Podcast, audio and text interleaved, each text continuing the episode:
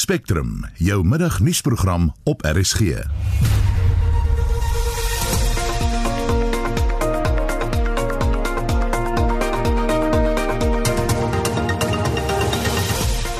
Dankie Gustaf in die program president Cyril Ramaphosa stel oudregter Sirai Desai as die ombud vir die regspraktyk aan in ooreenstemming met die wet op regspraktyk van 2014.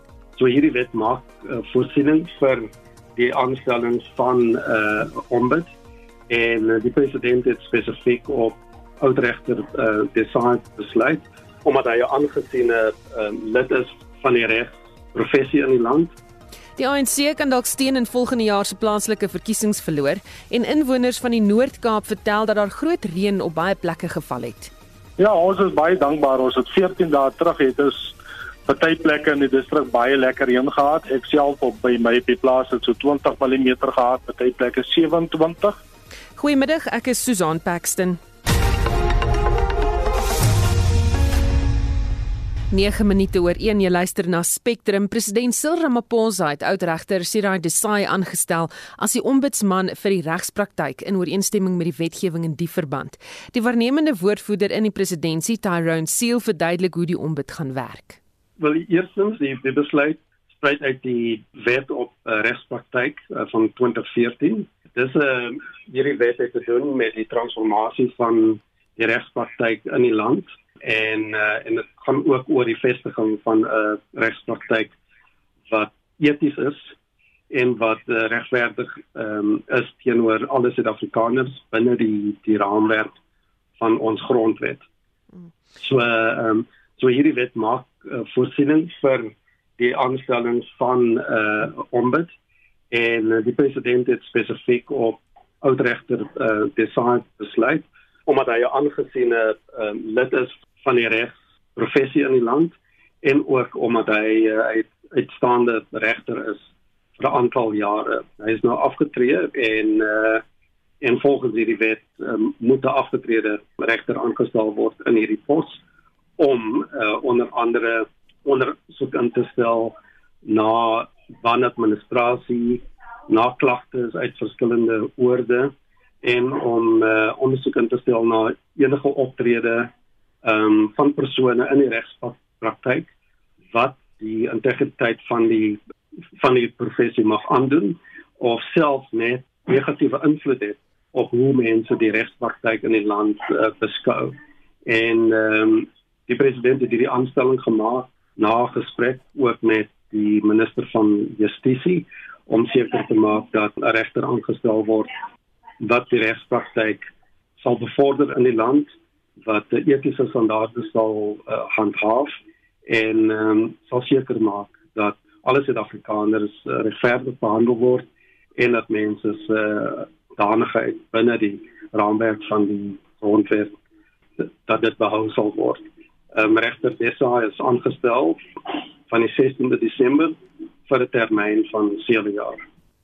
Dit was die waarnemende woordvoerder in die presidentskap Tyrone Seal.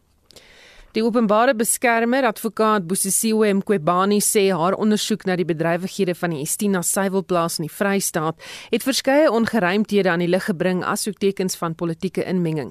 Sy het op 'n media-konferensie in Pretoria spesifiek die destydse provinsiale regering onder die premierskap van die gewese Vrystaatse premier Ys Magashule uitgewys. Bevindinge is ook teen die leier van Action SA, Herman Mashaba gemaak oor besluite wat geneem is toe hy nog burgemeester van Johannesburg was. Heinrich Weingart Swart het meer. Mekwebane die huidige Vrystaatse premier Sisi Ntombela beveel om binne 30 werksdae na ontvangs van die Estina verslag die remedierende optrede op haar bevindinge toe te pas. The premier of the Free State the current one to take note of the report in so far as the findings and remedial action contained therein are concerned and as the executive authority assist in ensuring that the remedial action as provided for hereunder is expedited within 30 days uh, of the receipt of the report, ensure that the Speaker of the Provincial Legislature tables the report before the House for deliberations and consideration of issues relating to my findings under paragraph 6.1 to 6.5 of the report by members. Within 30 working days of receipt of this report ensure that measures are put in place for the members of EXCO. Volgens Mqobane het geen lid van die provinsiale uitvoerende raad, insluitend die gewese LR vir landbou, Mosibenzi Zwane, behoorlike toesig oor die Estina projek gehou nie. Aanvanklike ondersoeke dui daarop dat geld wat die Vrystaatse Departement van Landbou vir die projek geoormerk het, in die verkeerde hande beland het, onder meer die van die Gupta familie. The blame for failure to of the project cannot be placed on National Treasury as a result uh, because of Accounting General's investigation for having halted the project. They were supposed to make sure that they address the concerns which were raised by the Accountant General before they proceed. So the conduct of Mr. Zwane, Ms. Kabate and the MEC of DART was in direct violation of Section 195 of the Code as they failed to in- administer their public office responsibility, which include principles of equality, human dignity, fairness, especially updating the complainants or the beneficiaries on how the project is ongoing. Mqobane se kantoor het ook kommerwekkende tekorte aan persoonlike beskermingsdrag en gesondheidswerkers te midde van die koronaviruspandemie aan die lig gebring. Kommer bestaan ook oor gebrekkige voeding vir pasiënte en verouderde infrastruktuur by gesondheidsorgfasiliteite.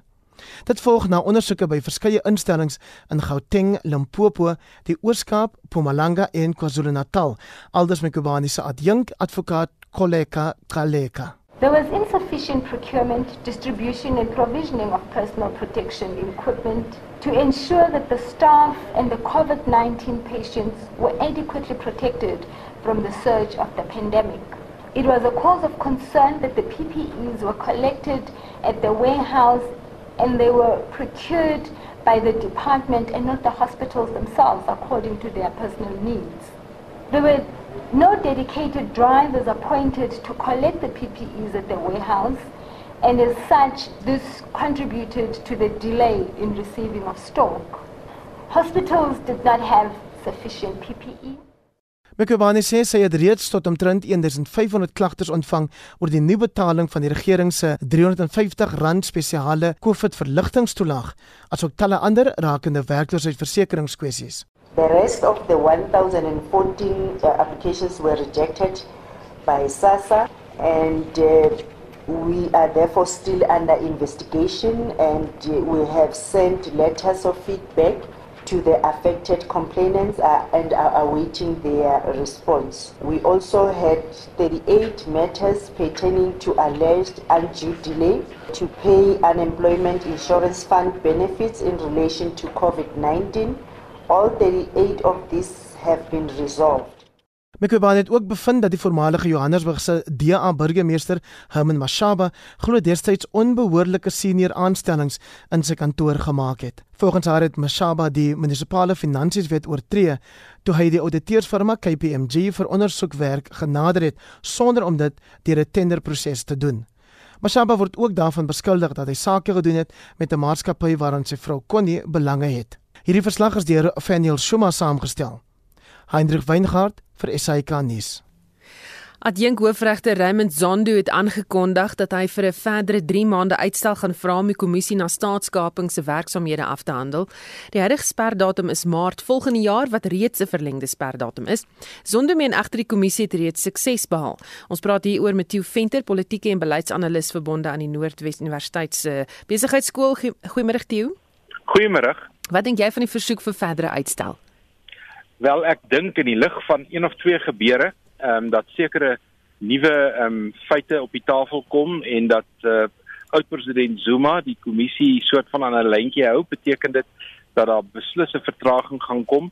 Ons het almal gehoop dat die verslag teen Maart maand volgende jaar sal inwees, maar lyk vir my dit skuif nou uit as hulle toestemming kry met 3 maande en dan bring dit ons baie naby aan dieselfde tyd wat ons nasionale plaaslike verkiesings moet plaasvind. So die goed gaan polities lyk my alles op 'n knop gejaag word volgende jaar. Dan sy voormalige openbare beskermer Tuli Madonsela dis te ambisieus toe sy aanvanklike ondersoek van slegs 18 maande aanbeveel het. Ja, wel ek dink gewoonlik die meeste van hierdie kommissies, ek kan aan baie min dink wat binne die bestemde tyd afgehandel is en die die grootste deel wat tyd inneem is die kruisondervraging en die kontrolering van verslae wat gelewer word en en die soort van goed en dan natuurlik die skryf van die verslag op so 'n manier om om aanbevelings te maak dink ek vat ook meer tyd as wat die meeste mense verwag. Sal die verlengde sperdatum beteken dat Zondo wel iemand soos oud-president Jacob Zuma weer sal kan laat verskyn? Ja, ek dink dit is deel van die versoek. Ehm um, ek dink hy verwag dat eh uh, Zuma nog 'n uh, draai of twee in verskillende howe gaan maak. Alhoewel ons weet die saak is direk na die konstitusionele hof toe verwys, maar ehm um, onthou die stelsel in Suid-Afrika begin eintlik eers so hier middel Januarie, einde Februarie begin hy funksioneer en uh, dan as jy op Maart, so nee, die ver, die verlenging dink ek um, is is realisties en ek dink dis die moeite werd. Sê my saam met Zondo dat die suksesse van die kommissie reeds gewys word.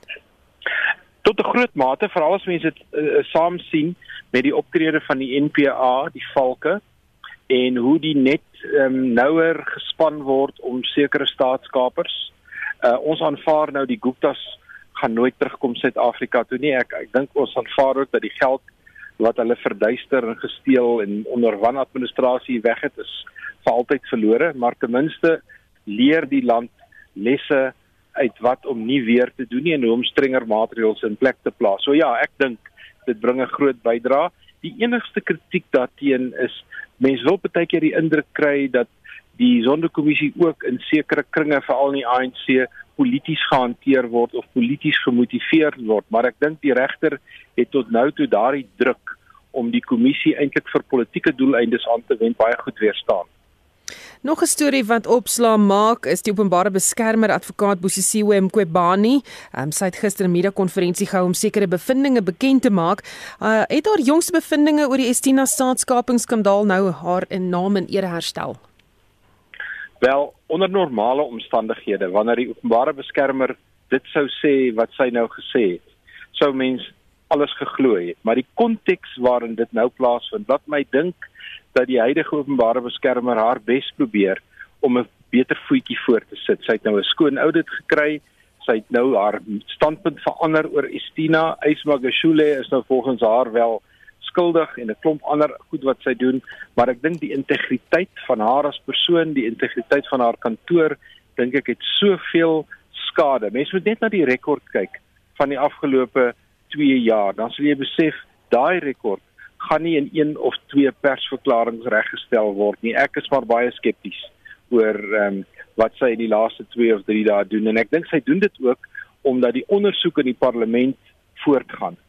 Erns vroeg volgende jaar gaan haar geskiktheid vir die amp wat sy beklee definitief in die parlement bespreek word en my gevoel op hierdie stadium is sy gaan daai toets dop. Ja, dit is effe daan geraak, maar hierdie keer anders as die vorige keer maak sy bevindings teen oud premier Ys Magashule. Het dit enigiets met die veranderende veranderende politieke atmosfeer te maak? sien hulle dat Magashule tans diep in die knyp is oor bedrogbeweringe teen hom? Ja, ek dink onder andere so en ek dink ook dit is 'n poging om haar posisie te versterk want ek dink sy voel as openbare beskermer baie duidelik die druk aan um, wat uit die parlement uitkom en van die regerende ANC wat die meerderheid in die parlement is en wat oor haar geskiktheid eintlik 'n oordeel moet vel. Ehm um, hierdie is 'n soeke daarna, maar dit is 'n deel natuurlik van die net wat al ehm um, uh fyner gestel word rondom Ys Magashule en uh wat ons waarskynlik sal sien ehm um, verder ontwikkel vroeg in volgende jaar. Ek dink nie ons gaan van nou tot die einde van die jaar enige iets sien nie. Theo dalk net laasens jou reaksie op die ANC se tradisionele 8 Januarie byeenkoms wat nou weens die tweede golf COVID-19 infeksies afgestel is. Is dit so eenvoudig of is daar ander faktore wat 'n rol gespeel het? Nee, ek dink dit is 'n baie verantwoordelike besluit. Ek dink dit kan gedoen word by wyse van 'n toespraak soos wat die uh, president president van die ANC Cyril Ramaphosa um, voorstel om te wees. Uh as die tweede golf is soos wat ons omtans sien in die Wes-Kaap en Gauteng en in die Oos-Kaap en ook in KwaZulu-Natal. Ehm um, dan is so by einkoms al is dit in Limpopo het al die kenmerke van 'n superverspreider. So ek dink dis die regte ding om dit nie te doen nie en dit spaar die ANC 'n klomp geld en ek dink daar's 'n klomp ander voordele ook daaraan verbonde want dit is 'n baie duur oefening. Ja, die ANC in Limpopo sou as gasheer provinsie omtrent 20 miljoen rand vir die geleentheid moes opdonk. Waaraan word dit gespandeer? Dit word gespandeer aan tente, aan kos, aan slaapplek. Ehm um, die die reël van so 'n konferensie is 'n geweldige busse om mense um, aan te ry. Nee, wat 20 miljoen is 'n is 'n konservatiewe begroting vir so 'n soort byeenkomste.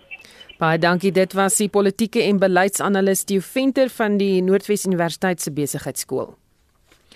Groot gedeeltes van die land ontvang tans reën. Die Suid-Afrikaanse Weerdienste het reeds waarskuwings uitgereik vir moontlike oorstromings weens swaar reënneerslag môre in onder meer KwaZulu-Natal.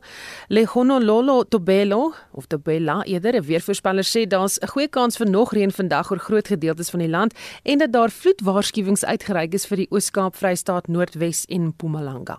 Well, I've seen the numbers have increased with uh, around areas in the Northern Cape also experiencing or getting rain over 30 millimeters and above as per the 24 hours since yesterday. And because of the moisture that has been coming in from the tropics, we're expecting some rainfall for today to still persist with a 30% chance over northeastern parts and scattered to widespread over central parts and 30% for the most parts of the western parts of the country. This is for today with a yellow level 2 for uh, yellow level 2 warning for disruptive rain leading to localized flooding in areas such as the Eastern Cape and Free State and southern parts of the northwest. Tomorrow we're expecting a 30% chance for most parts of the central parts of the country with a 60% chance for most parts of the northeastern parts considering the KZN, Pumalang and Limpopo and with a possible warning of uh, yellow level 2 of thunderstorms that leads to flooding over northeastern parts of KZN and the further extreme eastern parts of Mpumalanga. En dit was Leho Lonolo Tobela, 'n weervoorspeller van die Suid-Afrikaanse Weerdienste. Op sosiale media het inwoners van Kenhardt in die Noord-Kaap ook foto's gedeel van die goeie reën wat daar geval het. Die provinsie is steeds in die greep van 'n baie erge droogte. In van Wysvlei gaan boere ook gebuk onder die droogte. Rudy Oberholzer van van Wysvlei sê dit het darm by hulle ook so 'n bietjie begin reën. Ja, ons is baie dankbaar. Ons het 14 dae terug het ons party plekke in die distrik baie lekker reën gehad. Ek self op by my op die plaas het so 20 mm gehad, party plekke 27 Gister se weer was 'n bietjie teleurstellend. Gister het ons so 10 mm gehad, maar ons is nog steeds baie dankbaar daarvoor ook.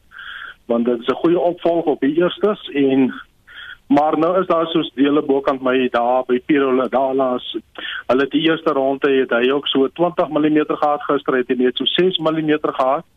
Maar hier is wel dele wat nog glad hierheen gehad het. Dit is so dit kom maar nog so streep streep voor hier by ons, maar ons is dankbaar vir die wat ons reeds gekry het.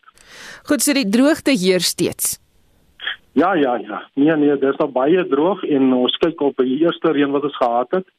Ehm um, die veld is baie stadig. Hy het nog nie baie gereageer op die eerste reën nie. Ek dink van net die tydperk wat die droogte aangehou het, by ons die 8 jaar is gaan 20 mm gaan nie 'n droogte breek nie. En die opval van 10 ookie, maar ons soos ek sê, ons is vol moed dit was nou begin vir ons en is die begin van ons reenseisoen en dit begin vir ons reg. Dit begin mooi. So ons is vol moed dat dit weer sal kom. Jy beken dat gister deur, soos julle gesien het op baie video's, daar laas het baie lekker gereën.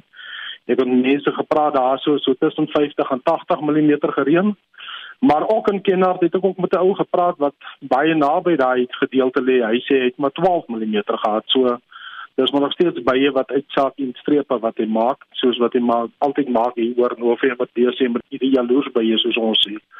So dit was 'n algemene landsreën wat gister voorgekom het in ons area. 'n Jaloersreën, ek hou daarvan, is my mooi. ja, um, dit is dit is dit is nogal so. So mense kyk altyd hoe lyk die weer en die buurman bel jou en sê vir jou hy het al 'n duim gehad en jy staan op 2 mm. Is dit mos nou hy jaloers by wat hy maak. so. Is 'n mooi verduideliking. Maar nou weer terug op 'n ernstige noot, hoe groot is die nood nog? Nee, die nood is baie groot, maar ek moet ook sê ons is baie dankbaar. Ons het die afgelope tyd ons het baie mooi uitreik aksies gehad na ons kant toe. Ehm um, soos baie mense op sosiale media kan sien, begin het dit vir ons baie gedoen, saai het vir ons baie gedoen.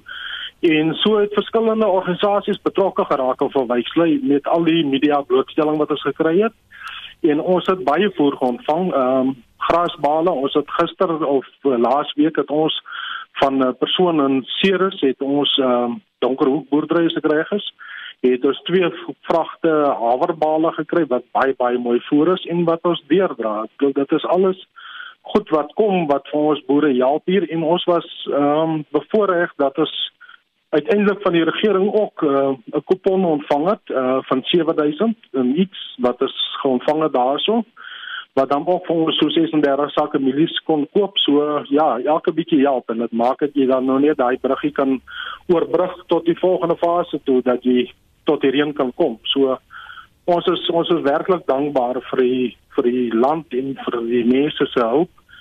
Ehm um, hier hierdie hele droogte kan ek amper sê of nie amper nie die, die hele droogte is ons net gedra deur persone van buite wat ehm um, wat se harte oop gegaan het vir ons mense in die Karoo hierso.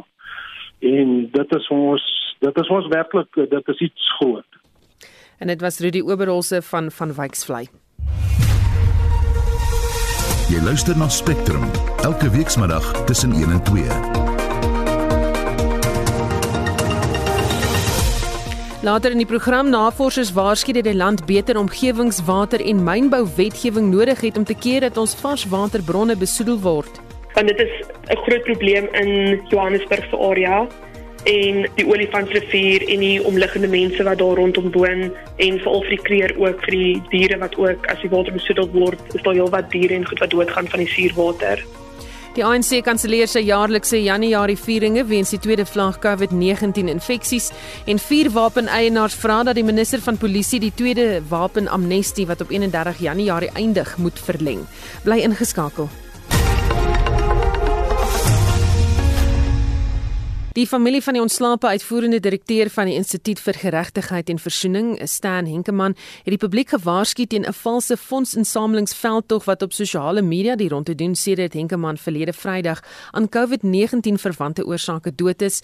'n Gedenkdiens word op Sondag 27 Desember in Kaapstad gehou om sy lewe en werk te vier. Huldeblyke stroom intussen vir Henkemann in. Hy was onder meer 'n gereelde deelnemer aan ons Sondag aand nuusbesprekingsprogram Kommentaar, 'n insetsel oor hom deur kollega Hendrik Weingart word môreoggend op monitor uitgesaai, moenie dit misloop nie. Die ANC kan steen inboet in die 2021 plaaslike verkiesings, hoewel die party moontlik sal aanhou goed doen in nasionale verkiesings. Dit terwyl die DA steen in 2021 kan wen indien die party se leierskapsprobleme betyds uit die weg geruim word, meen professor Pieter Labuskaghni, emeritus uh, eerder emeritus professor in politieke wetenskap aan Unisa. Hy het aan Hendrik Weingart verduidelik hoe hy tot sy gevolgtrekking gekom het as ek die munisipale verkiesing wat die naaste aan die algemene verkiesing is saamgroepeer van 95 96 met die eerste munisipale verkiesing en 94 met die eerste algemene verkiesing tot by die laaste dubbelstel verkiesings in 2016 en 2014 het ek net 'n baie interessante tendens opgetel by die ANC is dat waar hulle in die algemene verkiesings baie beter vaar Maar as jy kyk na hulle hulle vertoning in die munisipale verkiesing, is daar 'n baie duidelike tendens dat hulle dwarsdeur tussen 4 en 7% swakker vaar in die munisipale verkiesings as wat hulle in die algemene verkiesings vaar. En die DA, wel dit nou 'n korter voetspoor, maar by hulle is dit absoluut net die teenoorgestelde. Hulle doen almekaar tussen 4 en 7% beter in die munisipale verkiesings as in die algemene verkiesings. En op 'n basis daarvan, dis tog 'n bepaalde tendens, kan mens sê dat as 'n mens kyk na die algemene vertoning van die ANC wat gedaal het van 69% in 2000 2006 na so laag as 57% in 2019 verkiesing, kan jy verwag as indien daardie tendens sou voortduur wat hoogs moontlik is, kan jy dalk kry dat hulle munisipale steun tot so laag as 50% kan daal op basis van die tendens alleen. By die DA, die rede hoekom ek sê die DA beter kan vaar is omdat ek glo die probleme wat die DA in die studiestadium ondervind, is leierskapsprobleme die bedanking van John Moodley, die bedanking van Musi Mayemani, die bedanking van Patricia de Lille. Daai goed het hulle seer gemaak, maar dit is eintlik amper tydelike probleme wat 'n mens kan aanspreek. En indien hulle dit kan doen, kan hierdie tendens voortduur en dan kan hulle weer ook 'n 4 of 5% dalk beter doen wat hulle 'n steen van hoog in die 20% gaan gee en die ANC laag in die 50% wat wat dit 'n baie nader verkiesing sal maak as wat dit ooit in die verlede was. Wat sê jy oor die kanse van die VF+? Heinrich, ek dink die VF+ se se sukses is eintlik iets wat in hulle skoot geval het enigstens as iets anderste. Ek dink nie die Vryheidsfront het so seer deur 'n bepaalde beleid aan mense te verkoop, het addisionele steun gekry nie. Die die Swasie Renike voorval het die DA geweldig swaar gemaak. Hulle het soos 'n bil in 'n glaswinkel ingestorm en hulle het baie duur betaal daarvoor. Hulle baie van jou meer behoude kies het hulle afgeskrik en die Vryheidsfront het dit natuurlik maksimaal uitgebuit.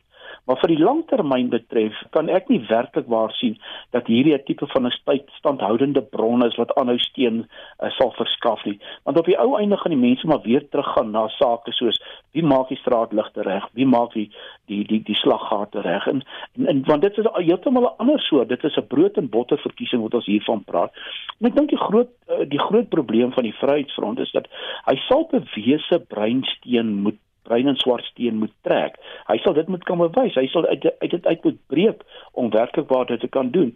En ek is bevrees 'n groot deel van sy kieserskop of ondersteunerskop is 'n ouer ouer wordende uh, gemeenskap en en en die demografie is net dood eenvoudig uh, teen die Vryheidsfront.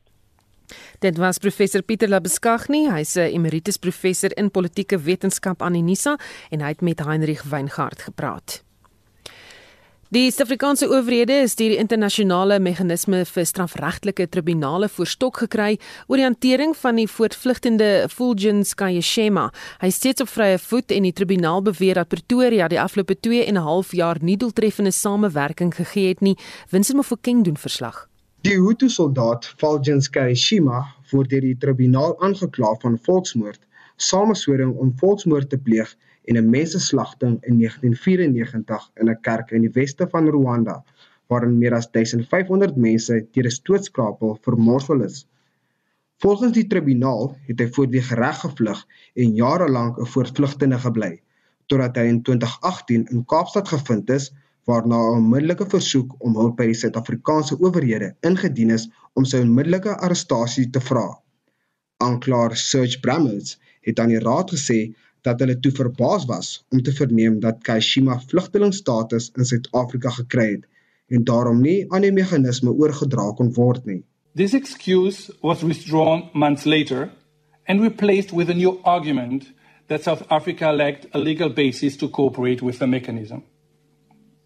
After 16 months of intense negotiations, in December 2019, South Africa finally submitted the UN arrest warrant for execution which a local magistrate approved.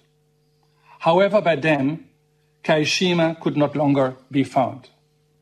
It is important to note that my office has reliable information that Kaishima was present in South Africa as late as October and November 2019, so merely weeks before South Africa reported to the Security Council that the arrest operation was unsuccessful. Hy sê sy uitgebreide versoek vir verdere hulp ingedien, maar dat Pretoria nie bevredigend beantwoord het nie.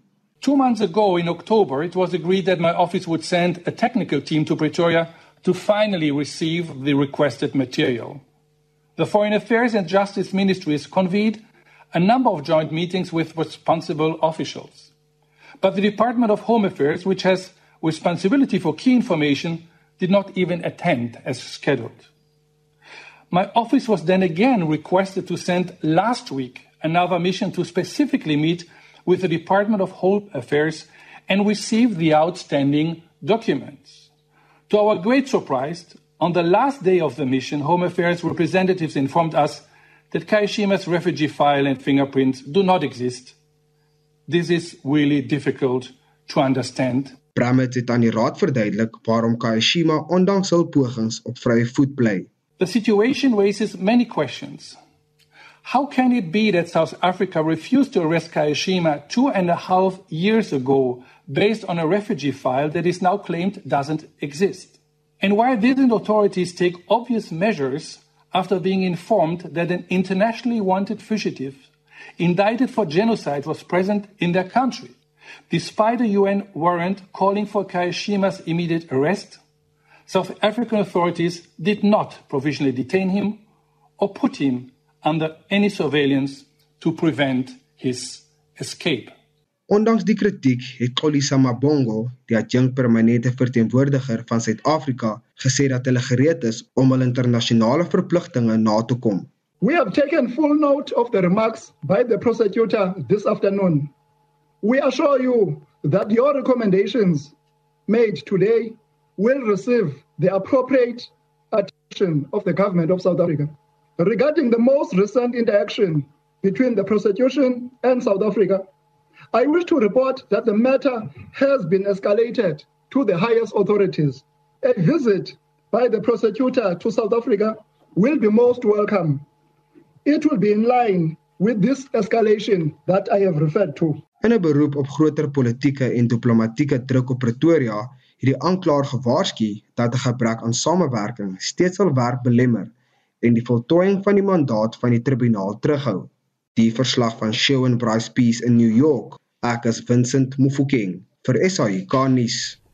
Ons beweeg na die sportveld met Shaun Jooste. Ons begin die verslag met cricketnuus. Pakistan het vanoggend se derde en laaste T20 wedstryd teen Nieu-Seeland met 4 paaltjies gewen, maar verloor steeds die reeks met 2-1. Mohammad Rizwan van Pakistan was die speler van die wedstryd en Nieu-Seeland se Tim Seefer die speler van die reeks. Die reeks van twee toetse tussen die twee lande begin Saterdagoggend. Rugby. Die Cheetahs gaan nog 'n speler verloor. Die Akker Jacques de Toey sluit binnekort by die Engelse klub Bath aan. Die ander spelers wat ook besluit het om Bloemfontein te verlaat is die Stad Luan de Bruin, Hakke Reinag Venter en loskakel Tian Skuman. Die Cheetahs se verlore Pro 14 status en die onsekerheid oor hulle toekoms dra by tot die verlies aan spelers. En laastens vanaand op die sokkerveld in die La Liga in Spanje kom Valencia half 7 teen Sevilla, Real Sociedad kwart voor 9 teen Atletico Madrid, Valladolid 11 uur teen Barcelona en Villarreal ook 11 uur teen Athletic Bilbao te staan. In die Serie A in Italië draf Juventus kwart voor 10 teen Fiorentina op die veld uit. En in die Afrika Kampioenligga se kwalifikasiefase speel Mamelodi Sundowns vanmiddag half 4 weg teen Jwaneng Galaxy van Botswana en Orlando Pirates 4 uur ook weg in 'n Konfederasiesbeker wedstryd teen Sagrada van Angola. Dit was Shaun Jooste van RSG Sport. Suid-Afrika het beter omgewingswater en mynbouwetgewing nodig om te keer dat die land se varswaterbronne deur mynboubedrywighede, veral suurmynwater, besoedel word. So sê die kandidaat-prokureur Dr. Marianka Lou wat haar doktorsgraad in publiekreg by die Universiteit Stellenbosch se Desember gradeplegtigheid ontvang het. Lou sê verder Suid-Afrika kan by Duitsland gaan leer oor hoe om wetgewing daar te stel wat mynboubesoedeling sal stop. So ek het 'n PhD gedoen in spesifiek varswaterbesoedeling met die fokus op suurmynwater en om te kyk na die ons Suid-Afrikaanse wetgewing en dan die Duitse wetgewing om basiese vergelykende studie tussen die twee te doen om te kyk hoe ons ons wetgewing kan verbeter laat die water nie so besoedel word deur die myne nie. Want dit is 'n groot probleem in Johannesburg se area en die olifantrivier en die omliggende mense wat daar rondom woon en veral vir die kreer ook vir die diere wat ook as die water besoedel word is daar heelwat diere en goed wat doodgaan van die suurwater en die mense ook op die einde van die dag. So jou studie het toe bevind dat daar beter wetgewing moet wees. Waar skiet die wet tekort? Die wet skiet tekort by ons in die mynbou en waterlisensie en dan ook by die rehabilitasie proses wat aan die einde van wanneer die mynbouaktiwiteite klaar is, die rehabilitasie proses wat gedoen moet word. En saam met die rehabilitasie proses gaan die, die finansiële komplikasie basis laat daar nie fondse is laat hulle die rehabilitasie proses kan doen nie. So myne of mynmaatskappy kom in vir of in die buiteland af, hulle myn en hulle is klaar gemyn en hulle gaan net in 'n los die, die hele proses net so. En dan daai suurmynwater soos wat die myne, die ou myne soos wat dit lê, dit daai proses sal aan en aan en aan wanneer die mynskafte word vol water en dit daai hele proses gaan aan. Dit is nie dat dit stop erns omdat die mynbou nou klaar gestop is nie of die myn klaar gestop is nie. In jou studies het jy kon sien hoeveel skade is daar al aangerig. Jy het nou plekke genoem waar daar probleme is, maar watse tipe skade en waterbesoedeling kyk ons na? Ek dink vir my die grootste geval is nat, ek is lief vir mense en lief vir die natuur. So ek dink die grootste is die natuur dat die um, riviere word besoedel en die diere gaan dood en ook ons baie gemeenskappe wat langs die riviere bly wat hulle enigste water wat hulle kry van die rivier af. So daai water wat hulle gebruik is dit klaar die suur in so dit is vir hulle self as mense se eie gesondheid baie nadelig. So ek dink dit is die groot en natuurlik die die water is suur so dit vreet die geboue en goeder van onder af en daar's ons het excuse heritage sites ook wat ook um, basies gevreet word deur hierdie suur wat nou ek baie jare nie meer gaan bestaan later nie. Wat weer die toeriste um, of die toerisme aspek van Suid-Afrika benadeel. Hoe versoen mens iets soos mynbou wat 'n ekonomiese steunpilaar is vir die land met omgewingsbewaring? Ek dink ons moet begin by die wetgewing om die wetgewing 'n klein bietjie te verander en dan dit moet geïmplementeer word en toegepas word. Soos mens kan nie reg sê okay, ons moet nou steenkoolmyn stop nie want dit is ons grootste ekonomiese soos waarvan ons ons geld vanaand kry en ons soos input in die land maar ek dink mense kan eerder met 'n proses werk om te kyk okay maar kan ons die wetgewing verander en hoe kan ons daai proses vorentoe vat en wanneer hulle waterlisensies en mynlisensies toestaan dat daai proses meer noukeurig gedoen word en nie net omdat daar gemyn kan word en omdat daar inkomste vir ons land kan wees en okay, maar daar's 'n myn en dit is eintlik 'n beskermde area of 'n gedeelte van 'n natuurreservaat. Ons gaan dit sommer net op myn. So ek dink daar moet veel strenger toegepas word. Hmm. Dat die twee teenoor mekaar opgeweeg kan word, die ekonomiese waarde en dan die beskerming van die natuur. Wat gebeur nou met die studie van jou? Gaan jy dit verder voer? Ek gaan dit moet volgende gepubliseer word want soos wat ek verstaan moet ons PhD's gepubliseer word anders te beteken dit ook eintlik niks nie. En dan sal ek graag probeer ook my aansoek doen dat ek 'n postdoc erns kan doen om dalk verder um, in daai veld in te gaan en nog bietjie meer navorsing doen en kyk ook nie byvoorbeeld vir die regering dalk goed kan uitlig om te sê waar hulle kan verander wat hulle net aan kan dink om te verander nie. En ja, dit is eintlik maar al wat mense kan doen, ek dink van my kant af. En dit was uh, eh, Dr. Marianka Lou. Vier wapeneienaars vra dat die minister van polisie, Bekkie Cele, die tweede wapenamnestie wat op 31 Januarie eindig, moet verleng. Advokaat Martin Hoene, kenner van wapenregte wat namens eienaars en verwante verenigings optree, het weer aan Cele geskryf en die probleme beklemtoon wat diegene ervaar wat van die amnestieproses gebruik gemaak het. Vincent Mofokeng het meer. Cele het vroeër vir 6 maande 'n vier wapenamnestie verklaar wat op 1 Desember 2019 begin het en op 31 Mei 2020 sou eindig. In die lig van COVID-19 is die amnestie tot 31 Januarie volgende jaar verleng. Dit het dit moontlik gemaak vir vuurwapeneienaars met ongewenste vuurwapens om dit sonder vrees vir vervolging aan die polisie te oorhandig of om nuwe lisensies aan te vra. Advokaat Hood sê die minister van polisie moet die verlenging as 'n saak van dringendheid sien. A number of organizations have asked for an extension to the amnesty because the second COVID pandemic wave has just been announced, and there is concern that attendance at police stations in queues may result in the exposure of members of public to the COVID virus and members of the South African police.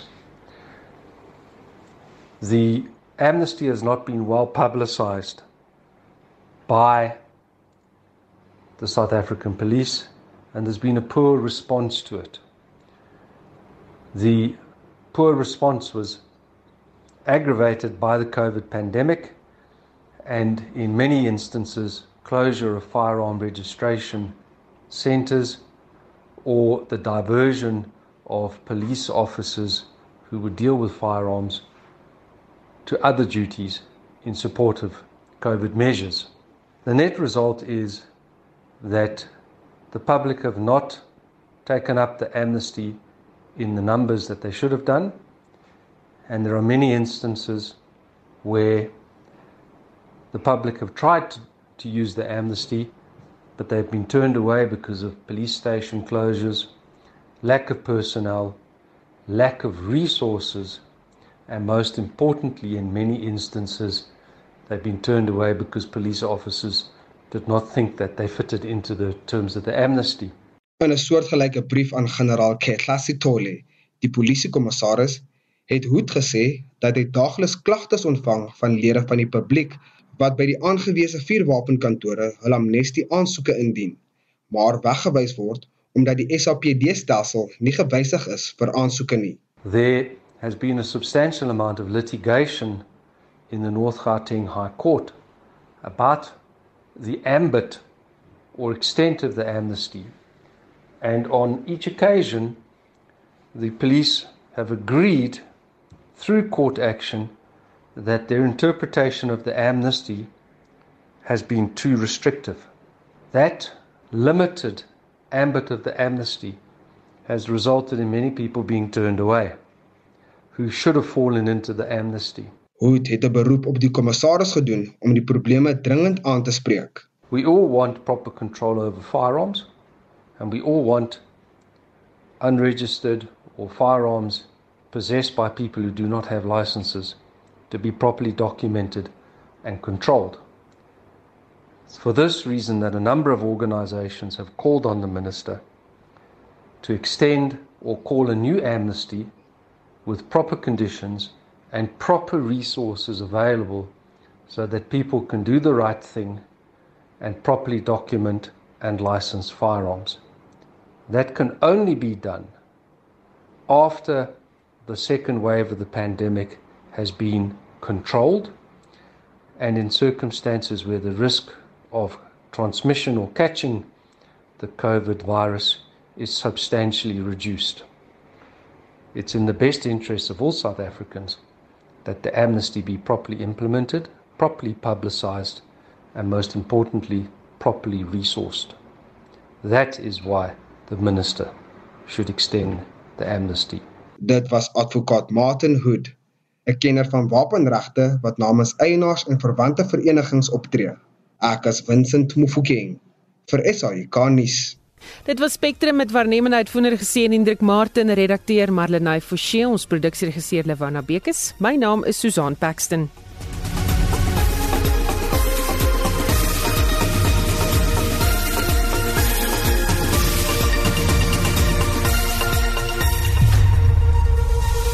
SAK nuus.